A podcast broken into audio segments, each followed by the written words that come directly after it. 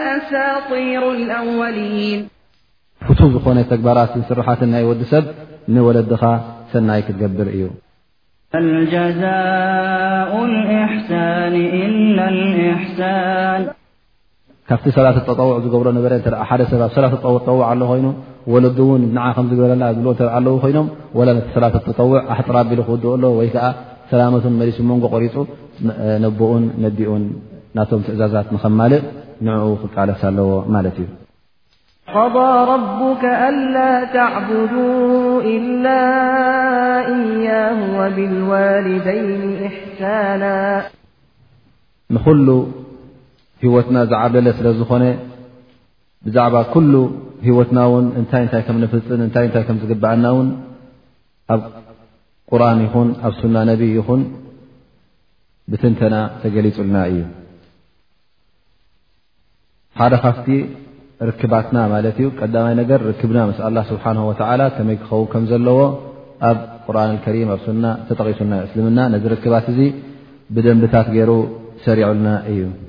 ከምኡ ውን ርክባትና ምስ ነብያታት እንታይ እንታይ መሰል ኣለዎም እዞም ነብያታት እንታይ እንታይ ከ ጉቡኣት ኣለዎም እውን እዚ ነገር እዚ ኣብ እስልምና ተጠቒሱ እዩ ከምኡ ውን መሰል ናይ ወለዲ ካብ ውላዶም ዝፅበይዎ መሰል ናይ ውላድ ካብ ወላዲኡ ዝፅበዮ ከምኡ ውን መሰል ናይ መራሕቲ መሰል ናይ ምሩሓት መሰል ናይ ኣስላም ኣብ መንጎ ኩሎም ኣስላም ከመይ ከመይ ጌርካ ርክባትካ ተካይድ ዘይ ኣስላም ውን ምስኦም ርክባት እተ ኣለካ ኮይኑ ከመይ ከመይ ከምዝኾነ ዝርክባት እዚ ኣላ ስብሓን ወተላ ኣብ እስልምና ሓቢሩና እዩ ከምኡ ውን መሰላት ናይ በዓል ቤትካ በዓልቲ ቤትካ ንዓኻ ወይ ከዓ እሳ ውን ካባካ ትፅበዮ መሰላት ኣለዋ ንስኻ ውን ካብኣ ትፅበዮ መሰላት ኣሎ ማለት እዩ ስለዚ እስልምና ዝኾነ ይኹን ርክባትና ከም ድላይና በዓልና ክንቃለሰሉን በዓልና ክንምህዞን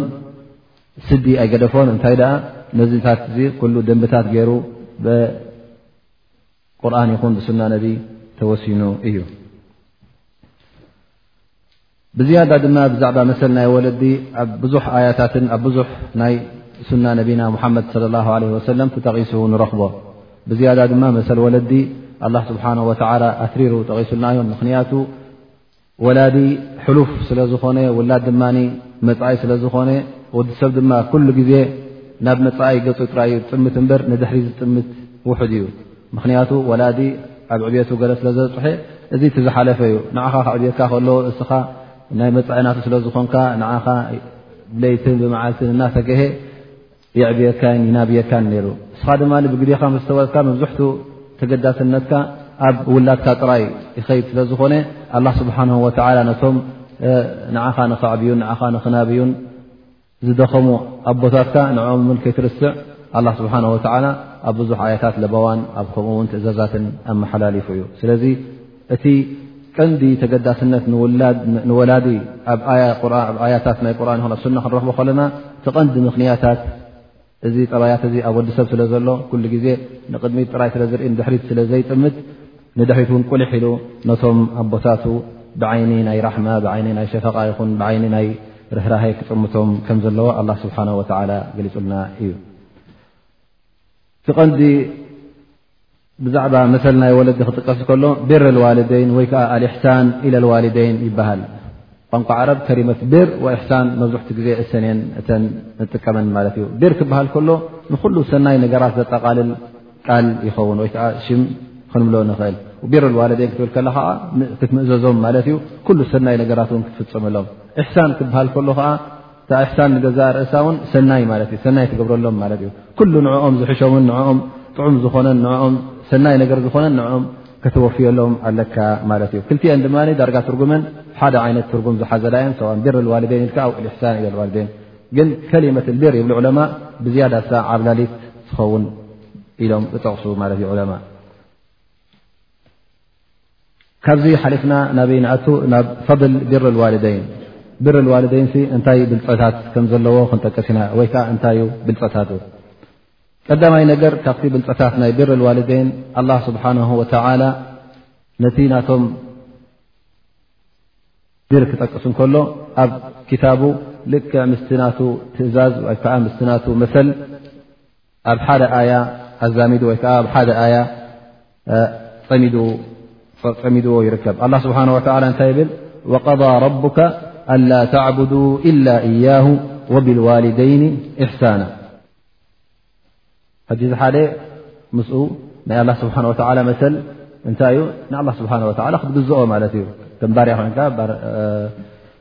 ክትግዝኦ ከለኻ ከምኡ ውን ምስዚ ነገር እዚ እንታይ የፃሚድሉ ኣ ስብሓ ወላ ቢር ልዋልደን ንወለድኻ ብሰናይ ዓይኒ ብሰናይ ዘረባ ብሰናይ ተግባር ከተወፍየሎም ማለት እዩ ከምኡ ውን ንኣላ ስብሓ ወ ከተመስግን ከለኻ ኣ ስብሓ ን ነቲ ምስጋና ናቱ ምስ ምስጋና ናይ ወለዲ ንወለድኻ ከተመስግን ከም ዘለካ ክልቲኦም ውን ኣብ ሓደ ኣያ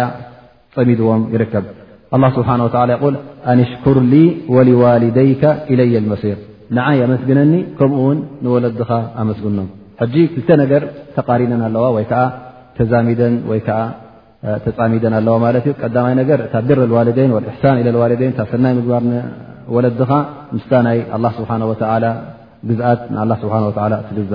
እዚ ሓደ መሰል ናይ ኣላ ካልኣይ መሰል ናይ ኣላ ውን ምስጋና ስለ ዝኾነ እዚ ውን ሓደ መሰል ነቶም ወለድኻ ከም ምኳኑ ኣላ ስብሓ ወላ ምስቲ መሰልናቱ ምስ ኣጠቓሊሉ ይጠቕሰልካ ኣሎ እዚ ሕጂ እንታይ የርእየና እቲ ናይ ወለዲ ክሳዕ ክንደይ ዓብን እቲ ደረጃኡ ድማ ልዑልን ምኳኑ የብርሃልና ኣሎ ማለት እዩ ከምኡውን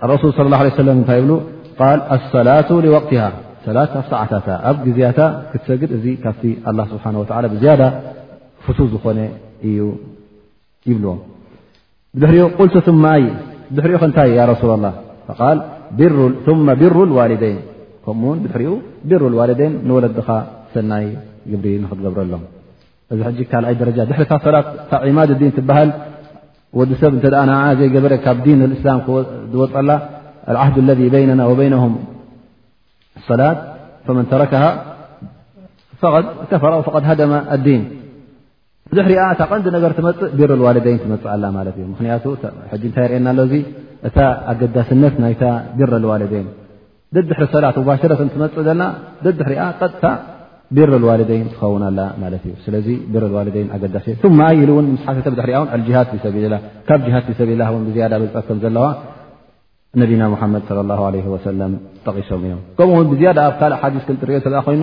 ነታ ናይ ብር ልዋልደይ ነተ ወለድኻ ሰናይ ምግባር ካብ ጅሃድ ፊ ሰብሊ ላ ብልፅቲ ምዃና ንገለ ሰባት ን ካብቶም ኣስሓቦም ንክጃሂብ ኢሎም ዝመፁ ኪዱ ነቦታትኩም እለዩ ኢሎም ዝመለስዎም ን ዝጠቀሰ ሓዲስ ነቢና ሙሓመድ ለ ላ ለ ወሰለም ጠቒሶምዎ እዮም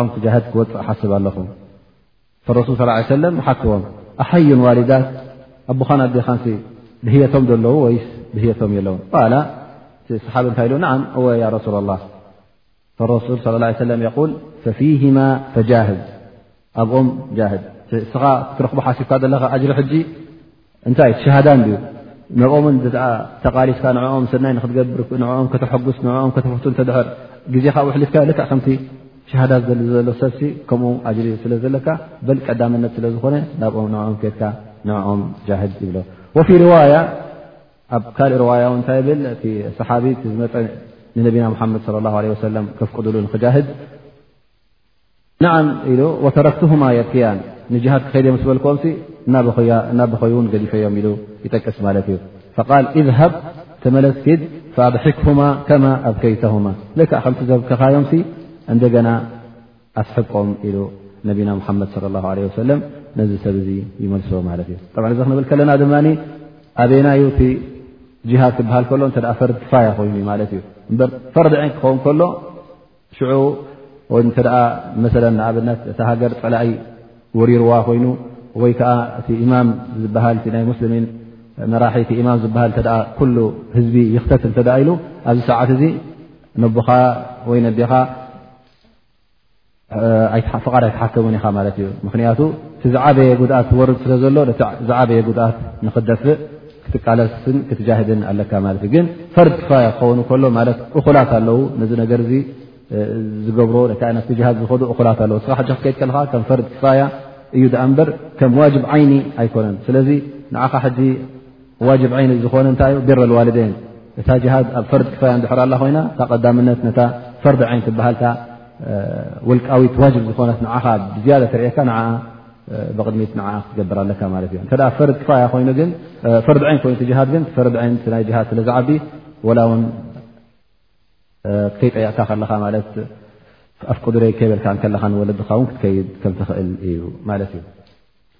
ራብዓይ ካብቲ ብልፀት ናይ ቢረ ልዋለደይን ክንርኢ እተ ኮይና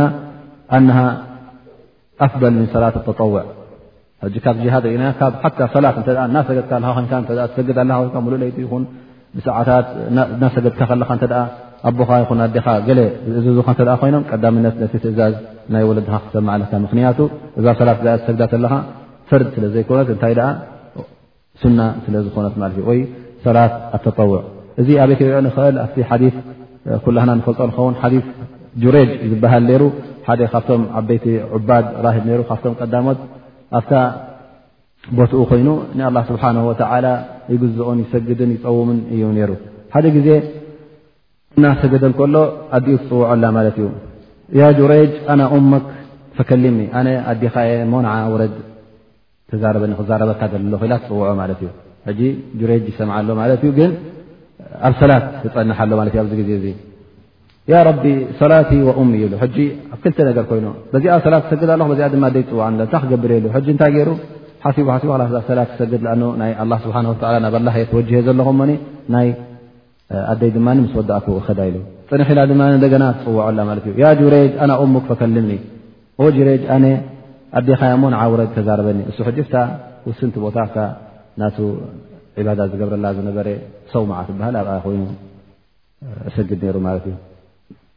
ያ ረቢ ሰላት ይኦም ኢሉ ድማ እንደገና ኣብ ሰላቱ ቀፂሉ ማለት እዩ እናሰሓየቱ ከላ ውን እሰግድ ኣሎ ማለት እዩ ክሳዕ ሰለስተ ሻዕ ፀውያዕቶ በቃ መልሲ ምስ ሰኣነት እሳ ውን ኣብ ግዜ እርጋና ስለዝነበረት ሓታ እቲ ሓዲስ ክነግር ከሎ ወላ ውን ኢዳ ከምዚ እናገበረት ኣብ ግንባራ ማለት እቲ ዓይና ውን ዳርጋ ደኺሙ ነይሩ ማለት እዩ ዓባይ ሰበይቲ እያ ነራ ማለት እዩ ኣብዚ ግዜ እዚ ድማ ብዝያዳ ንወለድኻ ሰናይ ክትገብረሎምን ከተኽብሮምን ክትኣልዮምን ዘለካ ሰዓታት ስለዝኾነ ውን እቲ ናታ ኩነታት ኣብቲ ሓዲስ ውን ተገሊፁልና እዩ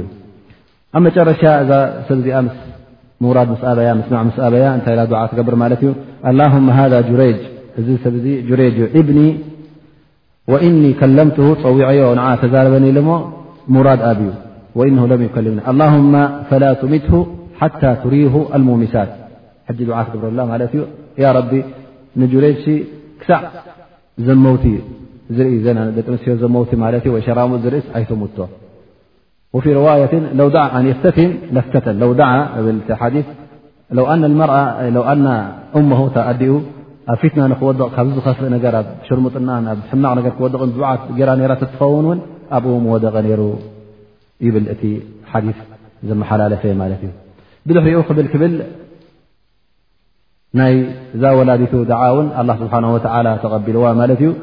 ሓደ ግዜ ሓንቲ ካብተን ሸራሙጥ ነራ ካብቲ ኣብቲ ጥቕኡ እውን ኣብቲ ምስ ዝሓድር ሓደ ጓሳ ነይሩ ማለት እዩ እዚ ጓሳ እዚ ከንገለገይሩ ይረክባ ኣሎ ማለት እዩ ካብኡ ትጠንስ ኣላ ማለት እዩ ኣሕፅር ኣቢልና ጠቕሳነታ ሓዲ ካብኡ ምስ ጠነሰት እዚ ወዲ መን እ ኢሎም ምስ ሓተትዋ እዚ ከደኣ ወዲ ፍላን ጁሬጅ ኢላ ትዛረብ ማለት እዩ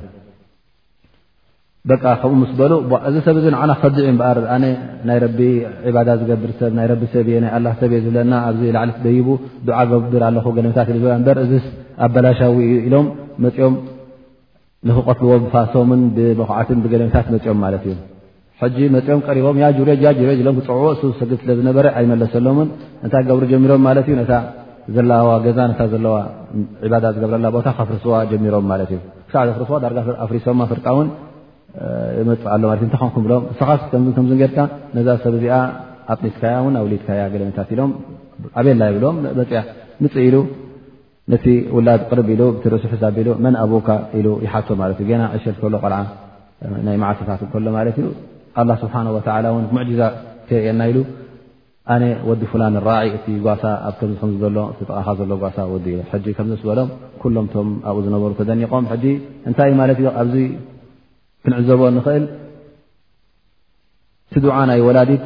ፈላ ትሪኹ ሙሚሳት ሸራሙጥ ከየርኣኻዮ ሳይተሙቶ ዝበለ ሕጂ ኣብ ፊትና በፂሑ ማለት እዩ እዛ ሸርሙጣ እዚኣ ከምዚ ከምዚ ኢላ እስኻ ኢኻ ከምዚቢልካኒ ከምዚ ኢላ ክትኸሰካ ኢላ ኢሎም ኣቕሪቦሞም ማለት እዩ ስለዚ እዚ ሓደ ካብቲ ዱዓ ዝገበረቶ እቲ ሓደ ዱዓ ስለ ዝኾነ ኣብ ፊትና ክወድቕውን ኣብ እከይ ክወድቕውን ዱዓ ገይራ ነሮት ትኸውን ምወደቐ ነይሩ ማለት እዩ ስለዚ ካብቲ ሰላት ጠጠውዕ ዝገብሮ ነበረ እተ ሓደ ሰብ ኣብ ሰላት ጠጠውዕ ኣሎ ኮይኑ ወለዱ እውን ንዓ ከምዝገበረላ ዝብ እተ ኣለዉ ኮይኖም ወላ ነቲ ሰላት ጠጠውዕ ኣሕጥራ ኣቢሉ ክውድኦ ኣሎ ወይ ከዓ ሰላመትን መሊሱ መንጎ ቆሪፁ ነቦኡን ነዲኡን ናቶም ትእዛዛት ንከማልእ ንዕኡ ክቃለስ ኣለዎ ማለት እዩ ኣይደን ካብቲ ፈሊ ወይ ከዓ ካብቲ ብልፀታት ናይ ንወለድኻ ምኽባር ዝበሃል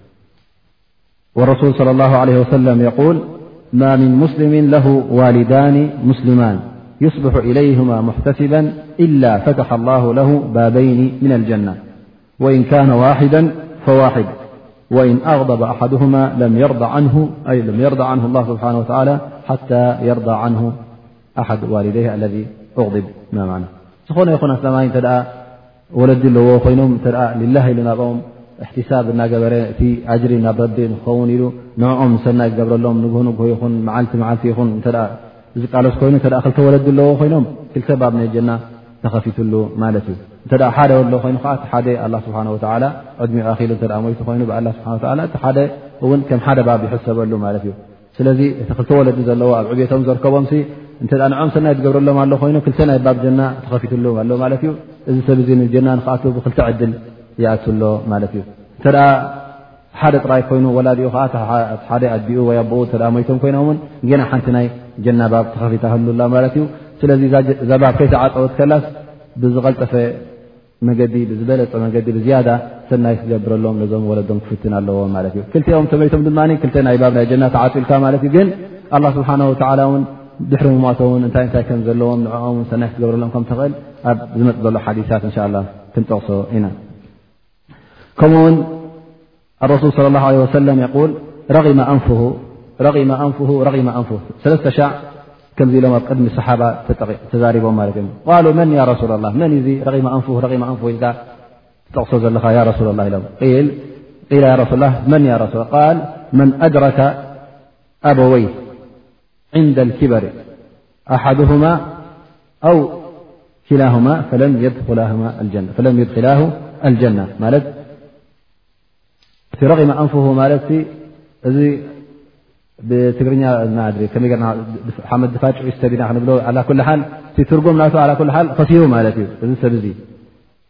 ኸሲሩ ኸሲሩ ኢሉ መን እዩ ኣረሱላ እቲ ንወለዱ ንሓዲኦም ወይ ንኽልቲኦም ኣብ ዕብት ዘርከቦም እሞ ከዓ ብሰንኮም ጀና ዘይኣቱ ማለት እዚ ዓብ ዓብ ክሳራ ወዲቑ ማለት እዩ እስኻ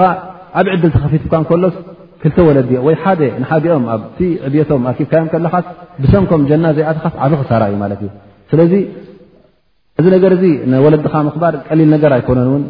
ቀሊል ነገር ተትኸውን ኣላ ስብሓን ወላ ናይ ጀና መእተዊ ጠንቂ ኣይምገበሮ ነይሩ ወይ ከዓ ንጀና ዘእቱ መንገዲ ኣይምገበሮ ነይሩ ስሒሕ ከቢድ እዩ ከቢድ ከሎ ግን እንተ ኣላ ስብሓን ወላ ወፊቑካ እውን ንጀና ክትኣቱ ቀረባ መገዲ ኮይኑ ትረኽቦ ማለት እዩ ኣብዚ ሓዲስ እዚ እንታይ ጠቀሳሉ ረሱል ለ ላ ለ ወሰለም ወዲ ሰብሲ ሓደ ይኹን ክልተ ካብ ወለዱ ኣርኪቡ ከሎስ ንዕኦም ንክገብረሎም ሰናይ መብዝሕቲ ግዜ ወለድኻ ውን ብንእሽተይ ነገር ከተዕንግሎም ብንእሽተይ ነገር ን ክተፍትዎም ትኽእል ኢኻ ምክንያቱ ኣብቲ ናይ ልቦም ናይ ራሕማ ናይ ሸፈቓን ስለ ዘሎ ብዝያዳ ድማ ኣደ እንተ ንሓዲኦም ክኹን ንክልቲኦም ኣርኪብካዮምሲ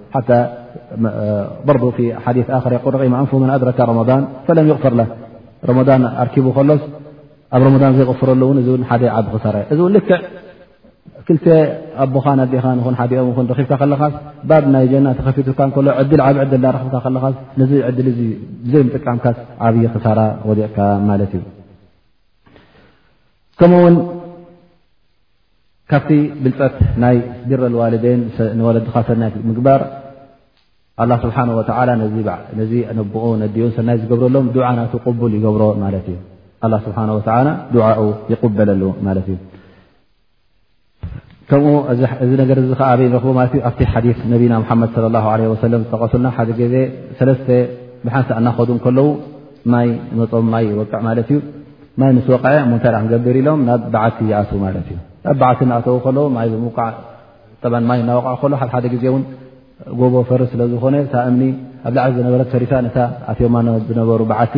ልኩት ኣቢላ ተዓፅዋ ኣላ ማለት እዩ ሕጂ እታ ኮነ መውፅእ ሲኢኖም እታ ዝኣተዋ ተዓፅያ ማለት እዩ ብዓባይ እዮም ክደፍዋ ተደልዮም ምድፋእ ኣብያ እሞ እንታይ ደ ክንገብር ኢሎም ሓሲቦም ሓሲቦም ላስ ካብዚኣስ እንታይ ክተውፅኣና ትኽእል ብጀካ ረቢ ዘውፅኣና የለን ኩላ ነገር ተዓፅያትና እያ ደላ ኢሎም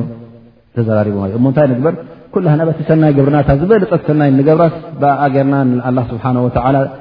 ተወሱል ንግበር እንሻ ላ ላ ድማ ድዓና ሰምዓልና ይኸውን እሞኒ ካብዛ ኣቲናያ ዘለና ጭንቂ ካብዛ ጠባብ በዓቲ ንወፅእ ንኸውን ኢሎም ክልቲኩሎም ሰለስትኦም ዘራረቡ ማለት እዩ ሕጂ ተቀዳማይ ትስእ ኢሉ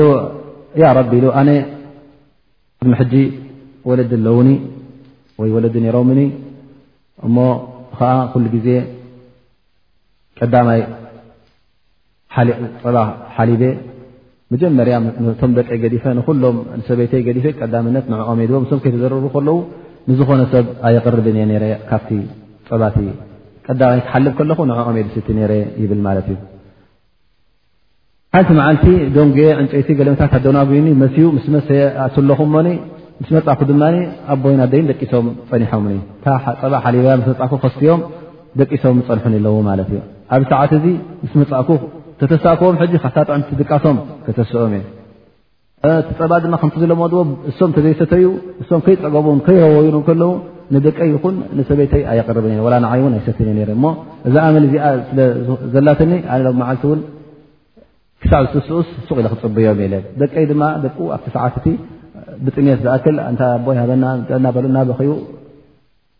ላዕልን ታሕትን ይብሉ ነሮም ማለት እዮም ግን ንዕኦም ዋላ ቅጭጭ ከይበለዎም ከለዉ ነብኡን ነዲኡን ንዕኦም እናተፀበየ ሕጂ ትስኡ ካብ ሕጂ ሕጂ ትስኡ እናበለ ከለዉ ኣሱብ ሕርኪቡ ማለት እዩ ስብ ምሰርከበ ተሲኦም እቲ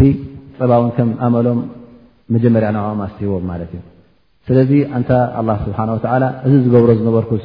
እዚ ናይ ንወለደይ ብዝያዳ ገይረ ዝጥምት ዝነበርኩስ እዚ እዚ ኩሉ ኣተኣላልያን እዚ ኩሉ ክድማ ወይ ከዓ እዚ ኩሉ ንስታ እዚ ኩሉ ፅቡቕ ሰናይ ግብሪ ዝገብረሎም ዝነበርኩስ ንዓኻ እንተ ነይሩ ኮይኑ ንዓኻ ኢለ ንወጅካ ኢለ ገብሮ እንተ ነይረ ኮይኑስ እዛ ዓፂኻያ ዘለኻ እዛ ኣፅቢብካልና ዘለካ ስቀረብ ክፍት ኣበለልና ኢሉ ድዓ ገብር ማለት እዩ ኣላ ስብሓን ወተላ ነዛ ድዓ ምስ ገብረ እውን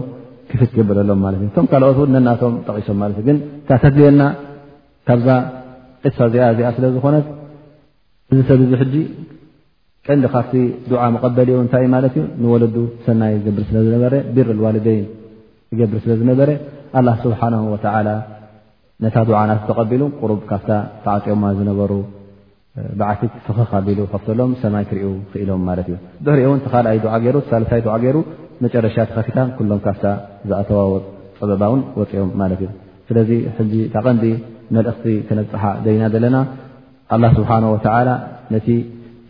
ነቦኡ ይኹን ነዲኡ ብሰናይ ዝናብዮም ጥዑም ዘስምዖም ሰናይ ግብሪ ዝገብረሎም ብዝያዳ ኣብሊፁ ዝከናኸኖም ሰብ ዱዓናቱ ቅቡል ምዃኑ ግን እዚ እውን ክንብል ከለና ሊላ ኢሉ ክገብሮ ሰብ ከይብሉኒ እንታይ ክለኒ ሰብ ከይበለ ከሎ ብዝያዳ እቲ ዝገብሮ ዘሎ እሕትሳብ ክህልዎ ኣለዎ ማለት ኣላ ስብሓን ወተላ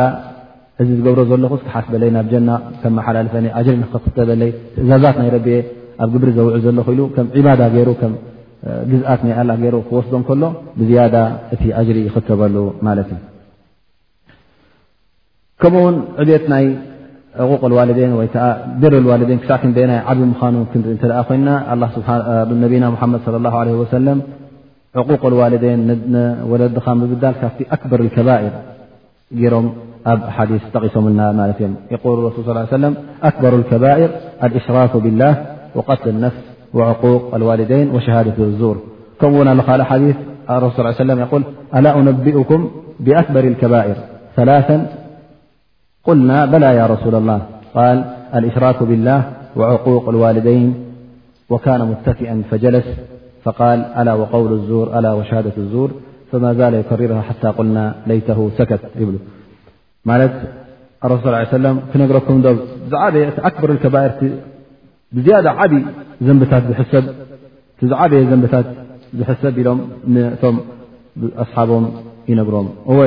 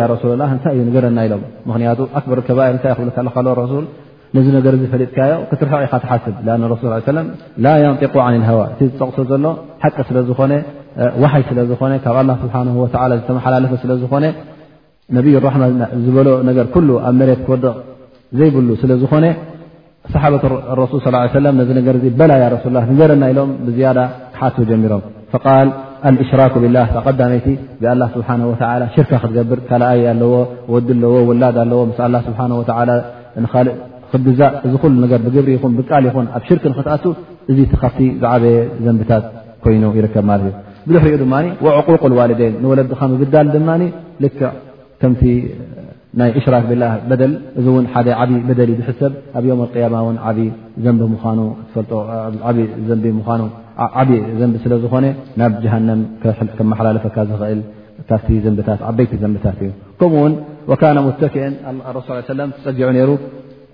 ዝያዳ ድማ ተሲኡ ብዝያዳ ክንክሰምዑዋ ኣላ ወቀውል ዙር ኣላ ወሸሃደት ዙር ማለት ብሓሶት ክትምስክር ከለኻ ሓሶት ኩሉ ግዜ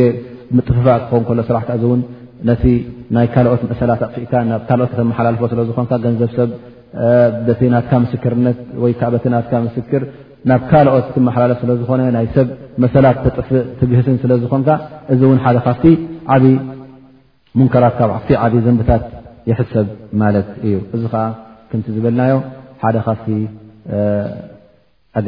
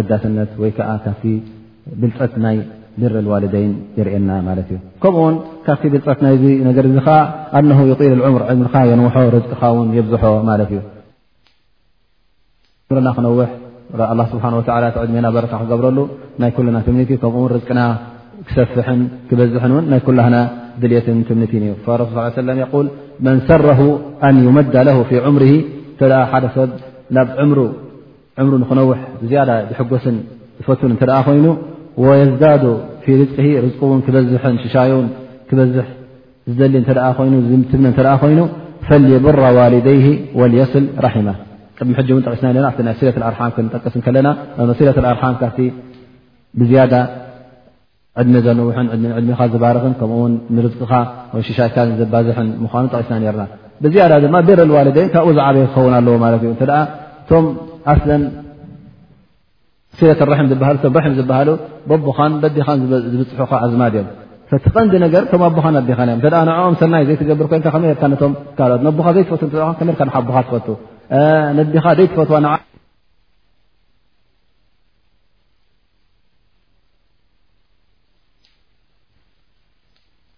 ካብቲ ንዕምሪ ዘንውሕን ንሽሻይ ዘብዝሕን ወለድኻ ምኽባርን ንኦም ብፅቡቕ ገርካ ምንባይን ምኳኑ ክንፈልጥ ንኽእል ማለት እዩ ምናልባሽ ሕጂ ገለገለ ሕቶታት ኣብ ነብስና መፅእ ይኸውን ብለካ እዞም ኣቦታተይ ወይከዓ ቶም ወለደይ ዛለሚ እንተኾኑ ወይከዓ ብሓራም ኩሉ ግዜ ዝእዝዙ እተዘኣ ኮይኖም ወይከዓ ኣስላም ኣይኮኑን ንበል ኣስላም ኣይኮኑን ሃልክእዘዞም እኽእል ድስ ኣይክእልን እየ ይብል ኣቦይ ንኣብነት ኣነ ኣስላማይ ኣይኮነን እንታይ ክገብር ኣለኒ ሃል እዘዞ ዶ ይእዘዞን ወይ ከዓ ኩሉ ግዜ እዚ ኣቦይ ዘልመኒ እዩ ውፅዓኒ እዩ እንታይ ክገብር ይኽእል ኢሉ ዝሓትት ሰብ ን ኣይሰኣንን ማለት እዩ فን ኣስማ ረض ላه ን ሓደ ግዜ ኣስማ ብንት ኣብበክር ስዲቅ ረ ላ ን ትብል ቀዲመት እሚ ወህያ ሙሽሪካ ገና ኣደይ ካብ መካ ሙሽሪክ ከላ እሳ ኣብ መዲና ነራ ማለት እዩ ሰይዳ ኣስማ ሙሽሪካ ከላ ኣደይ ካብ መካ መፅያ ማለት እዩ ኣብቲ ግዜ እቲ ኣረሱል ስ ሰለም ምስቶም ቁሬሽ ኣብ መንጎ ክልቲኦም ውዕል ተካይዱ ነይሩ ማለት እዩ ንዓተ ዓመት ኣብ ሱልሒ ሕደይብያ ብድሕሪኡ ሰብ ክንቀሳቀስ ክኢሉ ንክበፃፃሕ ዝክኣለሉ እዋናት ማለት እዩ ኣብቲ ግዜ እቲ ንኣስማ ኣዲኣ ካብ መካ መፅያታ ማለት እዩ ፈስተፍተይቱ ነብያ صለ ላ ለ ወሰለም ምስ መፀታ ሕጂ ትኺኢላ እንታይ ከም ትገብር ስለ ዝጠፍኣ ናብ ኩሉ ነገር ሓዱሽ ነገር ክረኽቡ ከለዉ ትኺኢሎም ናብ ነቢና ሓመድ ለ ላ ለ ወሰለም እዮም ዝኸዱ ነሮም ሰዋ እንተ ደቂ ኣንስትዮ ይኹና ደቂ ተባዕትዮ ኩሉ ነገር ብናይ ዲን ዝተኣሳሰረ ስለ ዝኾነ ሕጂ እዛ ሰብ እዚኣ ኣዲኣ መፅያታ ኣዲኣ ድማ ሙሽርክ እያ ማለት ኣየስለመትን ገና ኣብ ክሕዳን ኣብ ሽርክ እያ ዘላ ማለት እዩ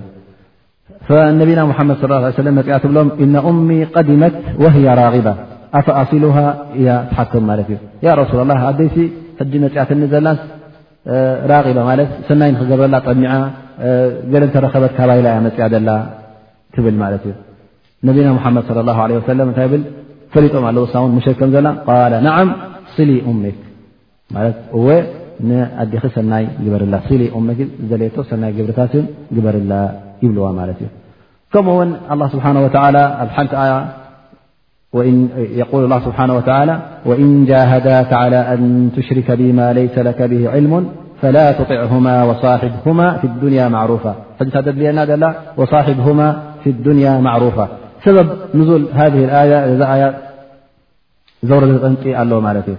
እሳ ከዓ ሳዕድ እብኒ ኣብ ወቃስ ሓደ ካብቶም ዓበይቲ ሰሓባ ካብቶም በሸሪን ብልጀና ዝተባህሉ ሓደ ካብኦም እዩ ኣብ መካኸሉ ካብቶም ቀዳሞት ኣስላም ስለ ዝኾነ መጀመርያ ምስ ኣስለመ ኣዲኡ ኣብ እስልምና ከም ዝኣተወ ትሰምዓላ ማለት እዩ እባ ኢላ እዚ ሕጂ ወዲ ኣብ እስልምና ኣትዩ ካብቲ ዲን ናይ ኣቦኡን ዲን ናይ ናተይን ካብቶም ናይ ኣቦታትና ዲን ወፂ ሳብ ዲን ናይ መሓመድ ኣብ ሓድሽ ዲን ኣትዩ እወ ኢሎሞ መፅኣ ፅውዖ ኣላ ማለት እዩ ኣንታ ወደይ ሰዓድ ከምዚ ከምዘ ኢልካስ ዲንካ ቀይርካ ትሎ እወ ኣንተ ወደይ ዝበለፀ ዲን ስለ ዝረኸብኩ ዲነይ ቀይረ ኢላ ማለት እዩ እሞ ኣነስ ሕጂ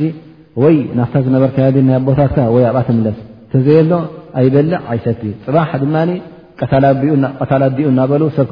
እናበሉ ምሳን ክፀርፉኻ እዮም እስኻ ኣብኣ ትረኽባ ኣነ ሕጂ ካብ ሎሚ ኣይበልዕ ኣይሰቲ ክሳዕ እስኻ እታ ዲን ሓዳሽ ኬትካዮ ዘለኻ እታ ስልምና ትበሃል ካብኣ ወፅእካ ኣታ ናይ ኣቦታትካ ኣታ ሽርኪ ተዘይተመለስካ ኢላ ገለ ፅቕጠ ተውርደሉላ ማለት እዩ እሞ ኢልኪ በቃ ካላስ ኢ ካብሎም መዓልቲ ኣይቀርብ ብልዒ ቀርብ መስተ ይቀርብ ኢላ ትዛረበላ ማለት እዩ እሞ ኢልዋ ኣነስ ካብታ ከይድያ ዘለኹ ይምለስኒ መስኡኪ ትትዓብ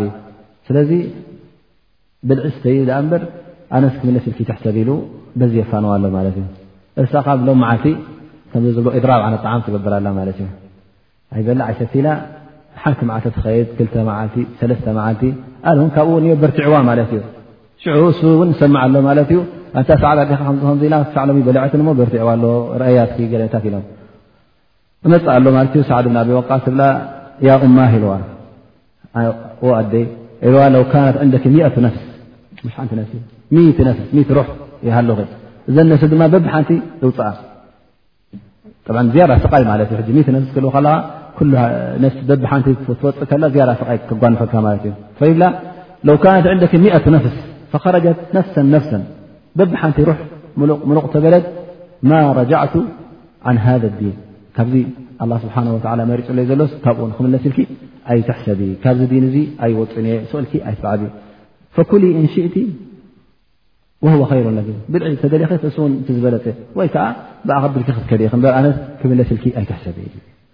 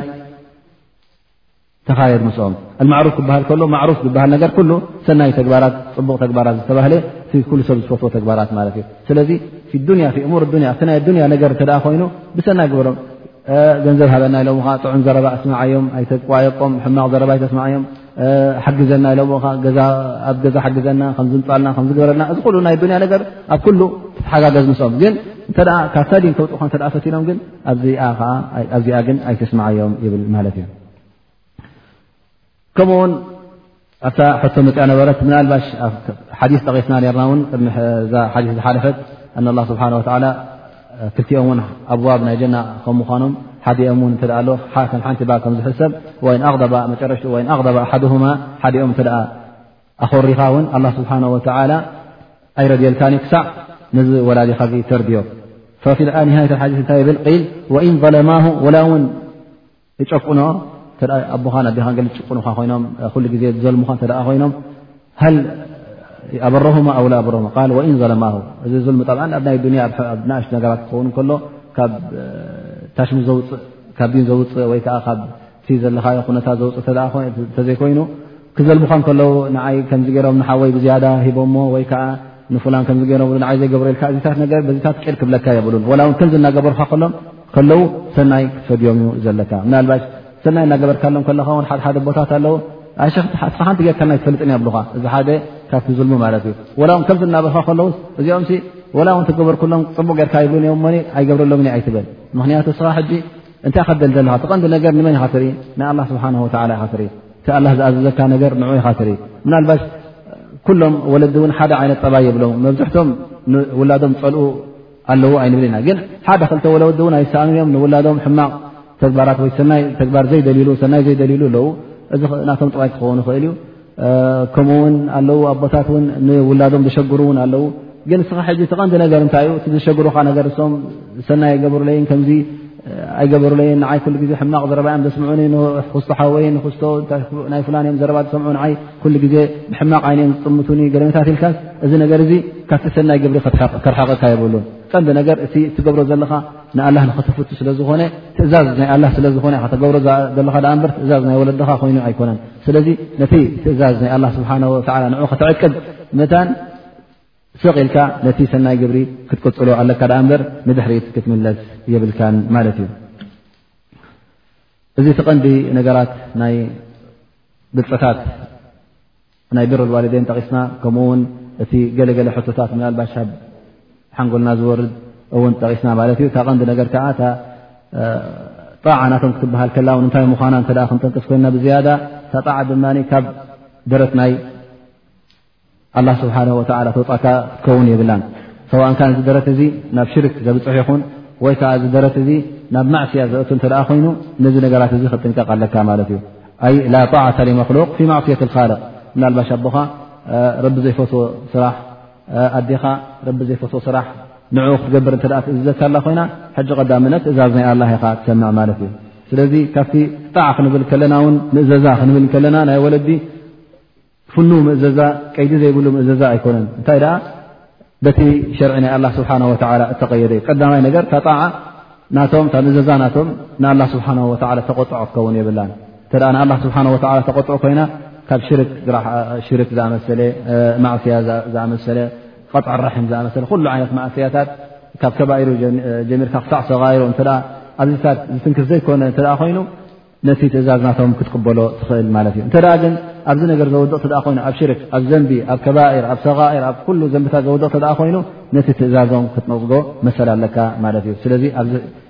ነጥቢ እዚ እቲ መሰል ናቶም ይወድቕ ማለት እዩ ምእንቲ መሰል ናይ ኣላ ስብሓን ወተላ ንኽትሕሉ ከምኡ ውን ከምቲ ዝበልናዮ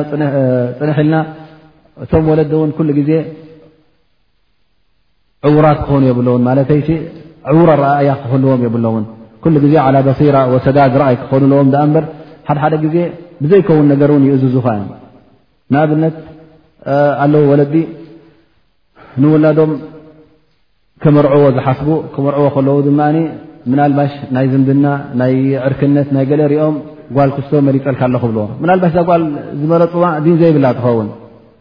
እቲ ቀዳማይ ነገር ወዲ ሰብ ክምርዖ እተ ኮይኑ በዓልቲ ዲን እዩ ዝምርዖ ምናልባት እዚኣ ኣብቲ ዲና ጉደት ኣለዋ ኸውን ኣይትሰግድ ኣይትብል እሞ እዛ ሰብ ዚኣ ተመርዓዋ ኢሎም ኻማት እዩ ኣብዚ ትእዛዝ እዚ ሃል ዘረብኦም ትሰምዕ ዶ ኣይትሰምዐን እዚ ሕጂ ንብዙሕ ሰባት ምክን ኣብ ሽግር ከውድቖም ዝኽእል እዩ እተ እዛ ሰብ እዚኣ ዳርጋ ዘይትሰግድን ዘይተብል እተ ኮይና ወላ ትእዛዞም ን ክትሰምዖ ይብልካ ምክንያቱ እታ ክትርኢ ኣለካ ማለት እዩ እቲ ንዓኻ ዘጓንፈካ እውን ብዝያዳ ከዲንካ ማለት ዩ ሕጂ ዝመፅ ዘሎ ዚ ነገር እዚ እተ ንሓንቲ ዲን ዘይብላ ትምር እተ ኮንካ ቶም ትወልዶም ውላድ ንደቅኻ ክተበላሽወልካ ንዓኻ ክተበላሽኻ ነታ ዘለካ ስድራ ውን ብሰናይ ክትነብሩ ዘይትኽእሉ እተ ኮይንኩም ወይ ከዓ ንሓደ ሰሙን ንሓደ ወርሒ ንሓደ ዓመት ተመሪዕኻ ኣብ ፍትሕ ትበፅሓሉ መርዓ እተ ኮይኑ ንዚ ነገር እዚ እውን ክትኣብዮ ኣለካ ማለት እዩ ከምኡ ውን ኣለዉ ገለ ኣቦታት እውን እተ እታ ሰበይትኻ ምናልባሽ እሶም እተ ብዛዕባ ዲን ብዛዕባ ናይ ኣላ ስብሓን ወላ ብዙሕ ዘግድስ ተኣ ኮይኑ እታ ሰበይትኻ ውን ጣዓ ናይ ኣላ ትገብር ንእዝዝቲ ናይ ኣላ ካብቶም ዘረባ ረቢ ትሰምዕ እተ ኮይና ሪኦማ ብዙሕ ዘይፈትዋ ውን ክርከብ ይኽእል እዩሞ ነዚኣ ውን ንዮ በላ ገለታት ተ ክብልካ ጀሚሮም እዚ ሕጂ ካብቲ ቅኑዕ ዘይኮነ ትእዛዝ ስለ ዝኾነ ውን ነዚ ትእዛዝ ውን ናይ ግድን ኣይኮነን ክትቅበሎ ማለት እዩ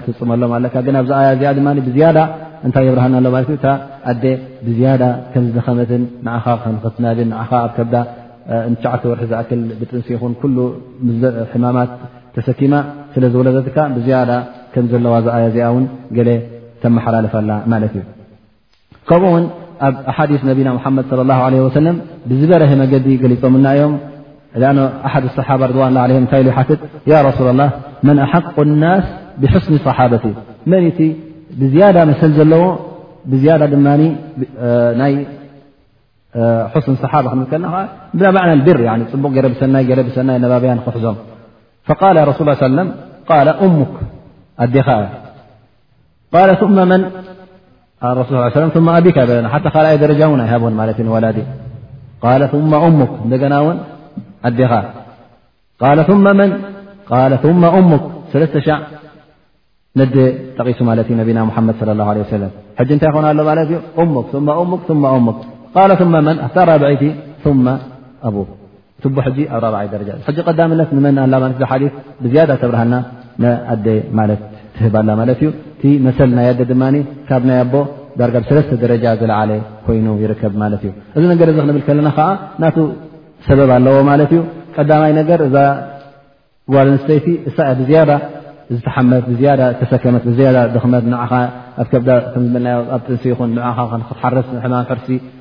ኣኣሕሊፋ እዚ ኩሉ ቃንዛ ዳርጋ ካብ ሞት ወፅያ ከምኡ እውን እንደገና ንክልተ ዓመት ዘኽእል ብሰናይ እናናበየትን እናሓፀበትን እናብልዐትን እናስተየትን እሳያ ኮስኪሳትካ ማለት እዩ እዚ ሕጂ ትገብሮ ዘላ ብዝያዳ ካብ ትቦ እሳ እያ ትደክምን ትትዕብን ዘላ ማለት እዩ ከምኡ ውን ኣደ ብዝያዳ እሳ ርህራህ ኣለዋ ማለት እዩ እሳ ውን ኩሉ ግዜ ንወዳ ብዓይነት ራሃየ ወይከዓ ንውላዳ ብዓይነት ራሃየ ስለ ትሪኦ ብዝያዳ ክተትክሞ ውን ኣይደልን እያ ኣብቲ ጠለባት ናታ ውን ብዙሕ ኣይትጠቕጠሉን ትኸውን ስለዚ ምናልባሽ ትውላድ ይርስዓ ኸውን ኩሉ ግዜ ናብ ኣኡ ነብኡ ጥራይ ኣኡ ስለ ንዓ ከምዚ ግበለ ከምዚ ኢሉ ስለዝጠቕሶ ስለዝወቕሶ ወይ ከዓ ስለዝዛረቦ ብዝያዳ ናብ ኣቦኡ ከይዱ ነዲኡ መታን ንኸይርስዕ እታ ራሕማ ዘለዋ እሳ እውን ወላ እውን ከምዚ ግበረለይ ከምዚ ዘይገበርካለይ እንተዘይበለፅካስ ንዓኻ ንኸዲ ከይተድክም ብዝያዳ ራሕማ ዘለዋ ስለ ዝኾነት ንኸይትርስዓ ማለት እዩ ንኣኑ ወላዲት እሳ ዝያዳ ራሕማ ዘለዋ ንወዳ እውን ኩሉ ግዜ ሰናይ ትገብረሉ ገለገለ እውን ግበረለይ ክትብሎ ከላ እናተሰከፈት እያ ትጠልብ ማለት እዩ ግን ሰብኣይ ፍሉይ ጠባይ ስለ ዘለዎ ወላ ውን ብዘይ ስክፍታ ካብ ወዱ ክጠልብ ይኽእል ማለት እዩ እሳ ስለ ዝኾነት ውን ምናልባሽ ክትርስዓ ወይ ከዓ ገለገለ ካብቲ መሰላት ናታ ንኸይተጉድለላ ኣላ ስብሓን ወላ ናታ መሰል ብዝያዳ ምኳኑ ኣብዚ ሓዲ እዚ ኣ ስብሓ ወ ኣብቲ ኣያ ተጠቂሱ ከምኡውን ነቢና ሙሓመድ ለ ላ ለ ወሰለም ኣብ ሱና ናትውን ጠቂሶምልና ማለት እዩ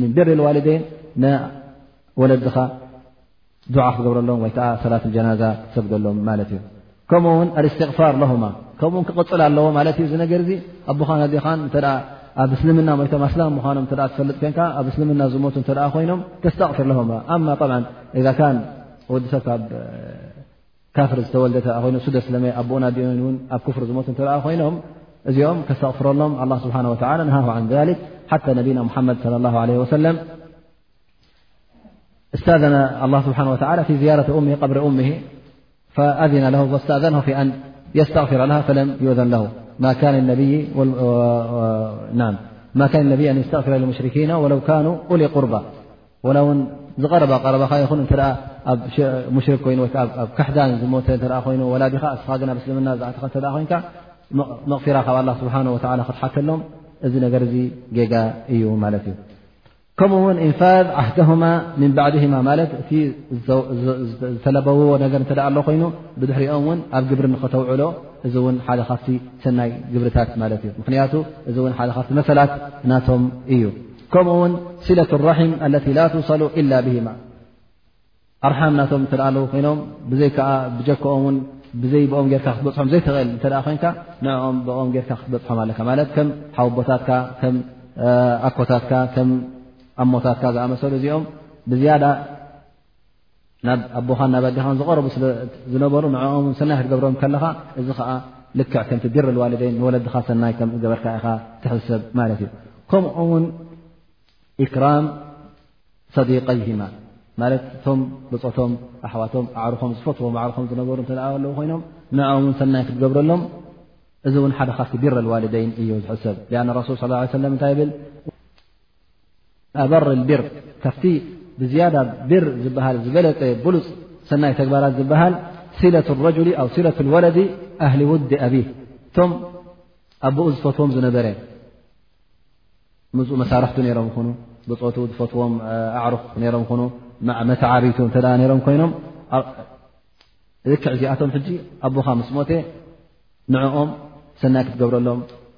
ንኣብነት ኣቦኻ እተ ንሓደ ዝፈትዎ ዓርኩ ነይሩ ሃድያ ዝህቦ ዝበፅሖ ዝኸዶ እተ ነይሩ ኮይኑ እስኻ ውን ኣቦኻ ምስ ሞተ ከተቋርፅ የብልካ ነዚ ሰናይ ዝገብሮ ዝነበረ ኣቦኻ ንኡ ክትቀፅረልካ ምክንያቱ ኣቦኻ ዝፈትዎ ነበረ ትገብር ኣለካ ኮይንካ እዚ እውን እቶም ሰናይ ትገብረሎም ዘለኻ ሕጂ ንመን እዮም ክዝክሩ ማለት እዩ ነቲ ሰናይ ኣቦኻ ዝገብሮ ነበረ ንዓኻ ስለ ዝገደፈ ጥዑም ዘርኢ ገዲፉ ኢሉ ነቲ ነቦኻ ዝገብሮ ነበረ ን ዘኪሩ እውን ነቦኻ ረቢ ርሓመሉ ፍላን ኣቦኡስ ከምዚ ከምዚ እዚ ነበረ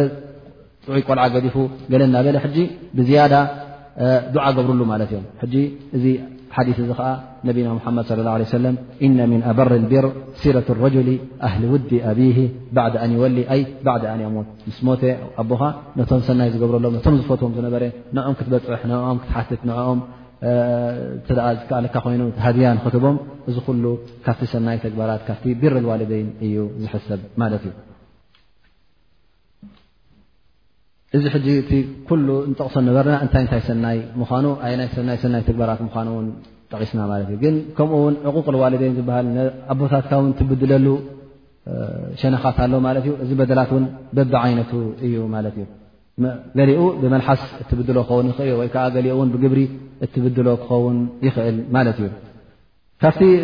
በደላት ከዓ ሓደ ኣብቲ ኣላ ስብሓን ወተላ ዝጠቐሶ ፈላ ተቁል ለሁማ ኡፍን ወላ ተንሃርሁማ ወቁል ለሁማ ቀውለ ከሪማ ማለት እዩ እዚ ከዓ እታ ቀላል ዝኾነ ዘረባ ወይ ሓደሓደ ግዜ እውን ከይተፈለጥትካ እያ ትወፅእ ብናይ ልምዲ ዝኣክል ገለ ነገር ክከብደካ እንከሎ ኡፍ ኢልካ ከም ከቢድ ነገር ተፃዕንካ ከም ሓደ ትእዛዝ ዝከቢድ ነገር ዝወረደለካ ጌርካ እትወስዶ ነገር ንዕ ኩሉ ግዜ ኡፍ ኢልካ ትምልሰሉ ማለት እዩ ስለዚ ኣቦኻን ኣዴኻን ብዝኣዘዙኻ ወይ ከዓ እሶም ገለም ክሕብሩኻ ከለዉ ነቲ ዝብልካ ዘለዉ ትእዛዝ ነቲ ዝህቡካ ዘለዉ ሓበሬታ ን ክትሰምዕ ከለኻ ኡፍ ትበሃል ቃል እውን ክትስምዖም የብልካ ኡፍ ትበሃል ዘረባ ገርካ ውን ብኣ ክትምልስ የብልካ ኢሉ ኣላ ስብሓን ወተላ ይእዝዘና ኣሎ ማለት እዩ ኣይኮነ ዶ ሕማቕ ዘረባ ክተስምዖም እታ ኡፍ ትብል ዘረባ ወላ እውን ዓብዪ ንእሽተይ ከምድላዩ ከይተፈለጦ ዘውፅኣ ቃል ክትከውን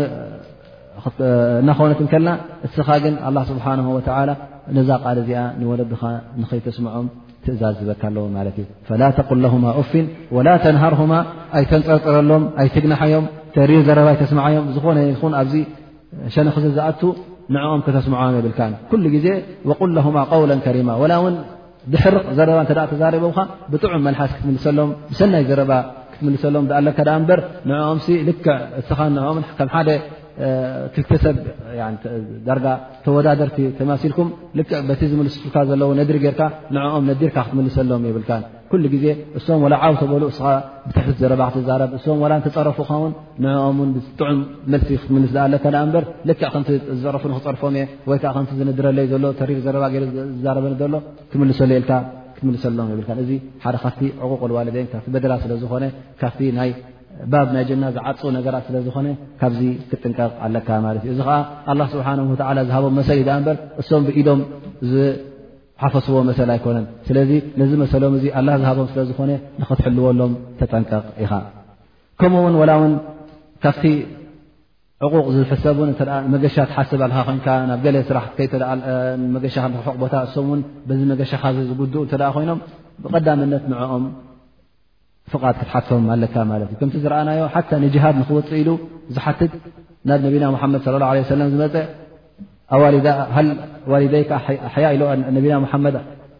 ኣቦኻን ኣዴኻን ብህየቶም ድኦም ዘለዉ ኢሉ ሓቲትዎም ማለት እዩ ስለዚ እስኻ ውን ክትወፅ እተ ንካ ንዕኦም ኣብቲኻ መገሻ ተለካ ስራሕ ተለካ ርሑቕ ቦታ እሶም በቲ ናካ ምርሓቕ ገለገለ ጎድሎም ስለ ዝኾነ ንዕኦም ኩሉ ግዜ ፍቓድ ክትሓትት ይግብእካ ማለት እዩ ከምኡ ውን ካብቲ ዕቑቕ ኣልዋልደይን ዝበሃል ሰብ ኣልዋልደይን ማለት ክትፅርፎም ክፀርፎም ክንብል ከለና ምናልባሽ ሓደ ሰብ ፀርፊ ተኽልካ ጥቐጥታ ፀርፊ ይመስሎ ይኸውን ግን ኣብቲ ሓዲስ ናይ ነቢና ሙሓመድ ለ ላ ለ ወሰለም ክንጥምት ከለና እንታይ ይብል ኣረሱ ስ ሰለም እነ ምን ኣክበር ከባር ኣን የልዓነ ረጅሉ ዋሊደይ ካብቲ ዝዓበየ ዘንብታት ካብቲ ከባር ዝሕሰብ ካብ ዓበይቲ ከባር ዝሕሰብ እንታይ እዩ ንወለድኻ ላዕና ማለት ፀርፊ ማለት እዩ ንወለድኻ ክትልዐን ኣብ ላዕነት ላ ዓለይኩም ክትብሎም እዚ ትዝዓበየ ፀርፊ ማለት ኣ ስብሓ ይፅላእኩም ካብ ራሕማ ረቢ ተሰጎጉ ኢልካ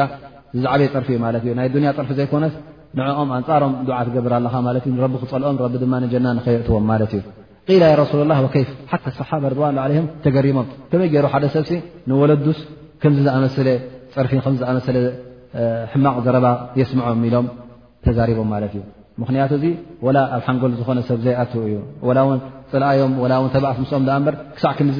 ዘፅርሲ እንታይ ኣሎ ኢሎም ይሓቱ ማለት እዩ ፈቃል ረሱል እንታይ ኢሎ ነቢና ሙሓመድ ለ ላ ለ ወሰለም ቃል የስቡ ረጅሉ ኣበ ረጅል ፈየስቡ ኣባሁ ወእማሁ ማለት ስኻ ሕጂ ጠንቂ ትኸውን ኣለኻ ማለት እዩ ንሶም ንክፅረፉ ጠንቂ ትኸውን ኣለኻ ማለት እዩ እዚ ሕጂ እቲ ኣክበር ከባኤ ኣይኮነን ዶ ባዕልኻ ትኽእልካ ብቐጥታ ክፀርፎም ጠንቂ ናይ ፀርፎም ክትከውን የብልካን ማለት እዩ ማለት ንኣብነት ስኻ ምስ ሓደ ሰብ ትበኣስ ኣንታ ዲኻ ከምዚ ኣቦኻ ከምዚ ኢልካ ፀርፎም ማለት እዩ ንሱ ሕጂ እንታይ ክገብር እዩ ኣቦኡ ካብ ፀረፍካሉ ዲኡ ካብ ፀረፍካሉ ንኻ ዝርግሑ ገድፍ ነቦኻን ነዲኻን ንኩሎም ስድራኻን ክሳዕ ኣቦሓጎታትካ ውን ዝፀርፈልካ ማለት እዩ ስለዚ እንታይ ክኸውን ኣሎ ማለት እዩ ሕጂ ስኻ እንታይ ትኸውን ኣለኻ ጠንቂ ናይ መፅረፊ ናይ ኣቦኻን ናይ ኣዴኻን ስለዚ ጠንቅናቶም ውን ክትከውን የብልካ እዚ ሕጂ ጠንቅናቶም ናይ ፀርፎም ንክትከውን ሲ ዝዓበየ ዘንቢ ክኸውን ኣሎ ማለት እዩ እንተ ቀጥታ ፀሪፍካዮም ድማ እንታይ ክኸውን ማለት እዩ ካብኡ ዝገደደን ዝዓበየን ማለት እዩ ስለዚ ካብዚ ነገራት እዚ ክንጥንቀቕ ናይ ግድን ይኸውን እዚ ነገር እዚ ከዓ ዕቑቕ ልዋልደን ነቦኻ ነዴኻ ንዕኦ ምብዳል ምናልባሽ ቀሊል ይመስለና ይኸውን ግን ፈፂሙ ቀሊል ከም ዘይኮነ ኣብዚ ዝሓለፈ ሓዲ እቲ ቢረ ልዋልደን ክሳዕ ክንደይ ብልፀት ከም ዘለዎ ሰናይ ምግባር ን ክሳዕ ክንደይ ብልፀት ከም ዘለዎ እቲ ንዕኦም ከዓ ምብዳል እውን ክሳዕ ክንደይ ሕማቕ ምዃኑ ጠቒስና ነርና ከምኡ ውን ኣሎ ካልእ ኣብ ርእሲኡ ዝመፅእ ካልእ ሕማቕ ውፅኢታት እውን ኣለዎ ማለት እዩ ካብቲ ውፅኢታት ናይ በደል ወለዲ ከዓ ነታእጅ ዕቁቕ ረሱ ላ የንظሩ ላ ኢለይም የውም ያማ ኣለዉ ሰለስተ ኣላ ስብሓን ወላ ዘይርኦም ብዓይን ራሕማ ዘይርኦም ዘይጥምቶም ማለት እዩ ንኦም ወላ ይጥምቶም ላ ግልፅ ኣይብሎምን ማለት እዩ ስብሓ ስብሓ ድማ ተ ግልፅ ዘይበለካ ካብቲ ራሕመጡ ኣርሕቑካ ማለት እዩ ቀዳማይ ክጠቅስ ከሎ ነቢና ሙሓመድ ለ ላه ለ ሰለም የቁል ኣልዓቁ ሊዋልደይ ሓደ ካብኦም እቲ ንወለዱ ዝብድል ዝነበረ ማለት እዩ እዚ ሕጂ ካብቲ ናይ ራሕማ ረቢ ካብቲ ናይ ዓይኒ ረቢ ዘርሕቐካ ሓደ ካብኡ እቲ ዕቁቅ ልዋልደይን ንወለድኻ ንዕኦም ምብዳል ይኸውን ማለት እዩ ከምኡ ውን ካብቲ ሕማቕ ውፅኢታት ናይ ምብዳል ከዓ ኣላ ስብሓን ወተላ በቲ ሕማቕ ትገብሮ ነበርካ እውን ኣብ ኣዱንያ እውን ክፈድየካ ይኽእል ማለት እዩ ፈትርዘቁ ኣላ ስብሓን ወተላ በቶም ሕማቕ ዝኾኑ ውላድ እውን ብኦም ኣብ እምትሓን ወይ ከዓ ኣብ ምርመራ የውድቐካ ማለት እዩ ኣን ረሱል ስ ሰለም የል ቢሩ ኣባእኩም ተበርኩም ኣብናእኩም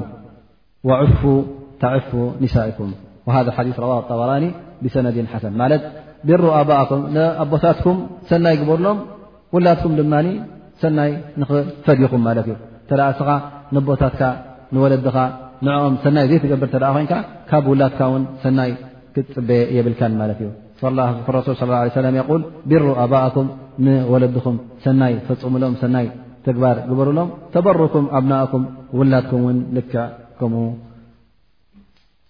ሰናይ ክገብርኩም ማለት እዩ ምክንያቱ ስብሓ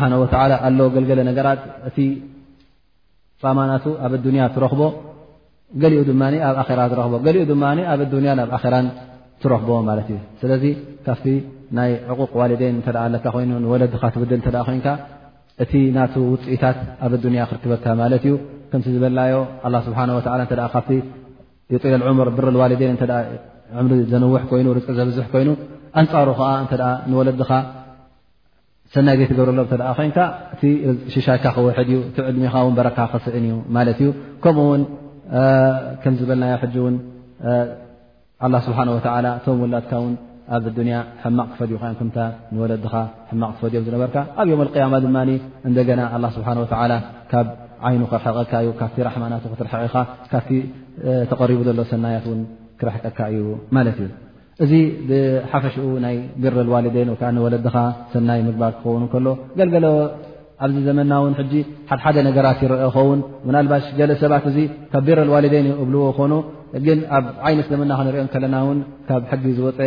ወይከዓ ካብቲ ሸርዒ ዝወፀ ኮይኑ ንረኽቦ ማለት እዩ ምናልባሽ ሕጂ እንታይ ዝበሃል ከም ዒድ ኡም ዝበሃል ኣምፅኦም ማርች ኣብ 28 ወ 25 ዝርከብ ማለት እዩ ኩሉ ግዜ ከም ዒድ ልኡም ኮይኑ ናይ ኣዴታት በዓል ተባሂሉ ንዴታቶም ኣብ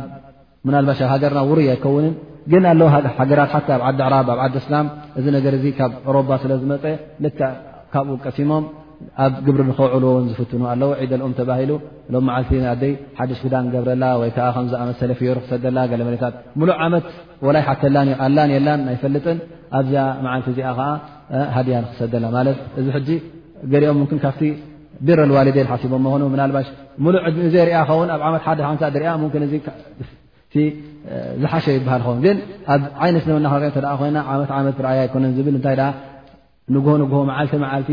ኩሉ ግዜ እንታይ እንታይ ድልት ከም ዘለዎም እታይ እታይ ጎድሎም ከም ዘለዎ እታይ እታይ ሰናይ ግብሪ ክገብረሎም ከም ዘለካ መዓልታዊ ንጥፈታትካ ክኸውን ዳኣ ኣለዎ ዳኣ እምበር ናይ ዓመታዊ ስራሕ ወይ ናይ ዓመታዊ ንጥፈት ሓደ ክኸውን የብሉን እንታይ ደኣ ኩሉ ግዜ መዓልታዊ ንጥፈታት ክኸውን ኣለዎ ማለት እዩ ከምኡ ውን ኣሎ ከምዚ ናይ ርዓየት ልሙስሊን ዝበሃል ወይ ከዓ ናይ ዓበይቲ ሽማግሌታት ዝነብርሉ ማሕበር ወይ ከዓ ገዛ ጌርካ ካብ ገዛካ ውፅእካ ናብኡ ላስ ኣብኡ መናበይ ንክረክቡ ንኦም ንኸተናበ ክትፍትን እውን እዚ ሓደ ካብቲ ቢር ልዋለደይን ኣይኮነን እንታይ ካብቲ ዕቁቅ ልዋለደይን ክሕሰብ ኣለዎ ምክንያቱ እሰ መብዝሕቲ ሰብ እተ ናብኡ ክሰዶም ኮይኑ ብደገደገ ምናልባሽ ዝያዳ ኣብኡ ድከናኸኖ ዝያዳ ኣብኡ ዝሕልዎ ሓለዋ ክረክብለ ትሰዶ ዘለኹ ብለካ ኸውን ግን መብዝሕቱ ግዜ ካብኡ ክሰግዎ ካብ ገዝኦም ክወፅኦም ከለዉ እቲ ካብቲ ተግባራት ናቶም ካብቲ ናቶም ተፃቢብዎም ምስኦም ንኦም ንጎንጎ ክሪእዎም ስለዝፀልኦ ንጎንጎ ጠለባት ናቶም ክምልስሎም ስለ ዘይደልዩ ዳኣ እምበር ንካልእ ከም ዘይኮነ ክንፈልጥ ንኽእል ማለት እዩ ናይ መጨረሻ ክንብላ ንኽእል ድማ ኣብዚኣ ገለገለ ኣዴታት ኣብ ዕቤት በፂሐን ምስ ዓበያ ኩሉ ግዜ ኣብ ሓደ ገዛ ምስ ውላደን ስድራ ገይሮም ክነብራ እንከለዋ እንታይ ንርኢ ማለት እዩ ብዝያዳ ልክዕ ከም ከዳሚት ኮይና ትነብር ማለት እዩ ዝገዛ እ እዚ ኩሉ ኣዕብያ እዚ ኩሉ ኣናብያ እዚ ኩሉ ኣብ ዓብ ዕድ መብፅሓ ንወዳ ይኹን ንጓና ኣብ ዕብታውን ዳሕራይ ልክዕ ከም ናይ ህፃናት ሓላዊትን ናይ ገዛ ሰራሕተኛ ገሮን ንሳ ወይ ከዓ ንክትዘውር ትኸይድ ኩሉ ግዜ ወይ ከዓ በዓል ስራሕ ተባሂላ ትወፅእ ነቶም ወለዳ ታወላዲት ተዓባይ ሰበይቲ ድማ ልክዕ ከም ሰራሕተኛ ኣብ ገዛ ትነብር ማለት እዩ እዚ ከዓ ሓደ ካብቲ ኣብ ገለገለ ዝረአ ናይ ወለዲ ምብዳል ኮይኑ ይስምዓና ማለት እዩ ክሳዕ ኣብዚ እታ ናይ ሎም መዓልቲ ኣስተምህሮ ጨሪሳ ማለት እዩ ገለ ሕቶ ተለዋ ድማ ድሕሪ ኣዛን ንመልሸን ኣቁሉ ቀውሊ ዛ ኣስተፊሩ ላ ወኩም ለ ላ ለ ሰይድና መድ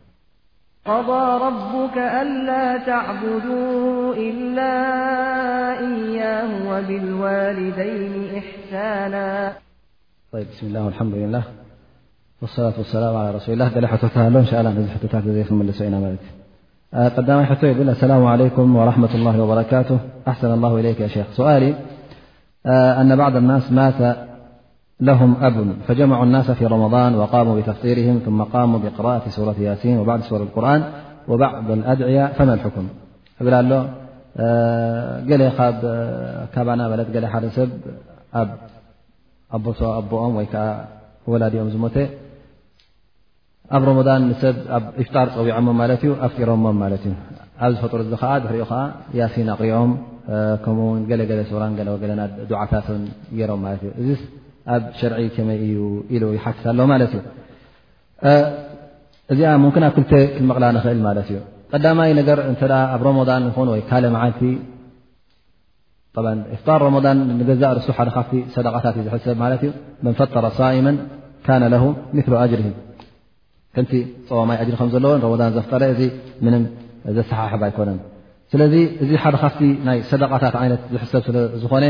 እንተ ሓደ ሰብ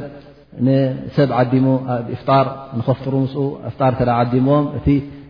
ናይ ሎም መዓልቲ ውን ኣጅሪ ንኣላ ስብሓን ወተላ ንያኡ ነቲ ምዉት ኣቦይ ነታ ምውቲ ኣደይሉ እተ ኣፍጢርዎም ኮይኑ ወይ ከዓ ከምኡ ዝኣመሰለ ሰደቃ ገንዘብ ሂቡ ሮሞዳን ይኹን ኣብ ካልእ ሰዓታት ወይ ከዓ መሳኪን ፀዊዑ ኣብ ገዝኡ እተ ኣብሊዑ እዚ ሰብ እዚ እታ ዝገበራ ሰደቃ ባብ ሰደቃ ንምዉት ክፉት ስለ ዝኾነ ምንም ሽግር የብላን ማለት እዩ ግን እዚኣ ንታይ ተወሲኽዋ ኣሎ ማለት እዩ ብዝያዳ ድማ ብዛዕባ ናይ እቶም ዝመፁ ያሲን ኣቕሪኡ ወይ ከዓ ከምኡውን ስወር ቁርን ዝኣመሰለ ገለገለ ሱራታት ኣቕሪኡ ከምኡውን ገለ ድዓታት ገይሮም ማለት እዩ እዚ ነገር እዚ ድማ ኣብቲ ናይ ሱና ነቢና ሙሓመድ ለ ላ ለ ወሰለም ስለ ዘየለ ሰብ ኣኪብካ ቁርን ኣቕርእ ዝብል ሱና ስለ ዘየለ እዚ ነገር እዚ እውን ሸሪዓዊ ኣይኮነን ግን ካብቲ ቢድዓ ወይ ከዓ ካብቲ ሕደሳ እዩ ክንብሎ ንኽእል ማለት እዩ ግን ንገዛእ ርሱ ንበይኑ ሰደቃ ሰብኣ ገንዘብ ሂብካ ወይ ከዓ ሰብ ፀዊዕካ ንኢፍጣር ሂብካዮም ወይ ከዓ ዝኾነ ይኹን ጌርካ ባብ ሰደቃ ነቶም ምዉታት ክፉት ስለ ዝኾነ እተ ተኣጅሪ ንምዉት ክኸውን ኢልካ ንያ ጌርካዮ እዚ ካደ ካብቲ ሰደቃታት ክሕሰብ ይኽእል ማለት እዩ ካልኣይ ሕቶ ይብል ሰበይቲ ምስ እትፍታሕ ደቃ ኣቦና ነዴና በዲለዋ እዩ ኢሎም ነቦኦም ኣመቶም ዘይገብሩ ኣለው ከመይ እዩ እዚ ምናልባሽ ኣብ መንጎ ሰብኣይን ሰበይትን ምፍፋሕ ተክሪኸይቡ ዳርጋ ኣብ ምፍታሕ ይበፅሑ ሞኒ እቶም ደቂ እውን ምናልባሽ ናበዲኦም ወይከዓ ናበቦኦም ይዛዝዉ ማለት እዩ ሕጂ ናብ ኣቦኦም ወይ ናብ ኣዲኦም ዛዝዮም ነቲ ሓደ ነቲ ካልኣይ ሸነክልካ ነቲ ካልኣይ ወገን እሱ በዲሉ ብማለት ዝፀልእዎምን ሰናይ ዘይፈድዎምን ማለት እዩ እዚ ሕጂ እተ ብዓይኒ ሸርዒ ክንጥምቶ ኮይና እንተ እሱ ነዴኻ በዲሉ ኮይኑ እዚ ኣብ መንጎኡን ኣብ መንጎ ረብን ኣላ ስብሓን ወተዓላ ፅባሕ ክሓስቦ እዩ ማለት እዩ ግን እስኻ ካብቲ ኣላ ስብሓን ወላ ዝሃቦ መሰል እሱ ብመጠን ወላዲኻ ወላዲኻ ስለ ዝኾነ ወላ እውን ነዴኻ ይበድላ እስኻ ድማ ነቲ ዝገበሮ በደል ብበደል ክትክኦ የብልካ እንታይ ደኣ እስኻ ንድሕር ትብድል ኣለኻ ኮይንካ በዲሉ ኢልካ ትበድል ትብል ኣለኻ ኮይንካ ኣብ ዘንቢ ትወድቕ ኣለኻ ማለት እዩ ኣላ ስብሓን ወላ ዝሃቦ መሰላት ንዕኡ ትገፎ ኣለኻ ማለት እዩ እዚ ከዓ ንዓኻ ፅባሕ ንግሆ ትሕተተሉ እዩ ስለዚ እስኻ ኣብ ቅድሚ ረቢ ክትሕተት እኣ ኮንካ ነቲ ዝገበርካዮ ግብሪ ካ ትሕተተሉ እሱ ድማ ነቲ ዝገበሮ ግብሪ ክሕተተሉ እዩ ፅባሕ ነታ ዴኻ ብሓቂ ድዩ ወይ ከዓ ብሕማቕ ወይ ከዓ ብክፉእ ወይ ብገለ መለታት እተ በዲልዋ ኮይኑ ኣላ ስብሓን ወተላ ነዚ በደል እዚ ፅባሕ ክሓስቦ እዩ እስኻ ድማ ነደይ በዲልዋ እሞ ኣነ ክብድሎ ክትብል ከለካ እዚ ዘዛው ወይ ከዓ ጌጋ ዝኾነ ሓሳብ ስለ ዝኾነ ኣላ ስብሓን ወላ ዝሃቦም መሰላት ክተጉድረሎም ይብሉን ነዴኻ ትኹን ነቦኻ ይኹን ወላ እውን ነንሕድሕዶም ከም ድላይ ምበዳደሉ እዚ ናቶም ጉዳይ እዩ ግን እንተ ንዕኡ ነስሓ ክትቦ ኮንካ ኣይትበድላልካ ነስሓ ክትቦ እዚ ፅቡቕ ግብሪ ማለት እዩ ነዴኻ እተ ብድላ ሪእኻዮ እዚ ጌጋዊ እዩ ኣንተቦይ ዚ ከምዚዩ እዚ ከምዚ ኢልካ ምስ ክትመያየጥ እቲ ቕኑዕ ምዃኑ